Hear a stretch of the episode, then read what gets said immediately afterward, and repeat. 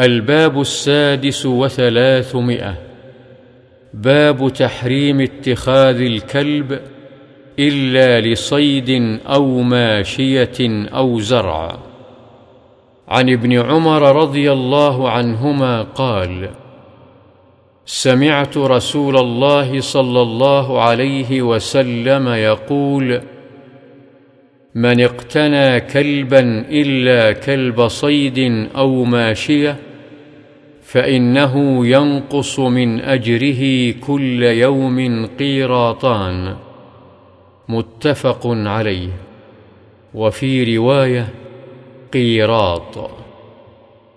وعن أبي هريرة رضي الله عنه قال قال رسول الله صلى الله عليه وسلم من أمسك كلبا فإنه ينقص كل يوم من عمله قيراط إلا كلب حرث إلا كلب حرث أو ماشية متفق عليه.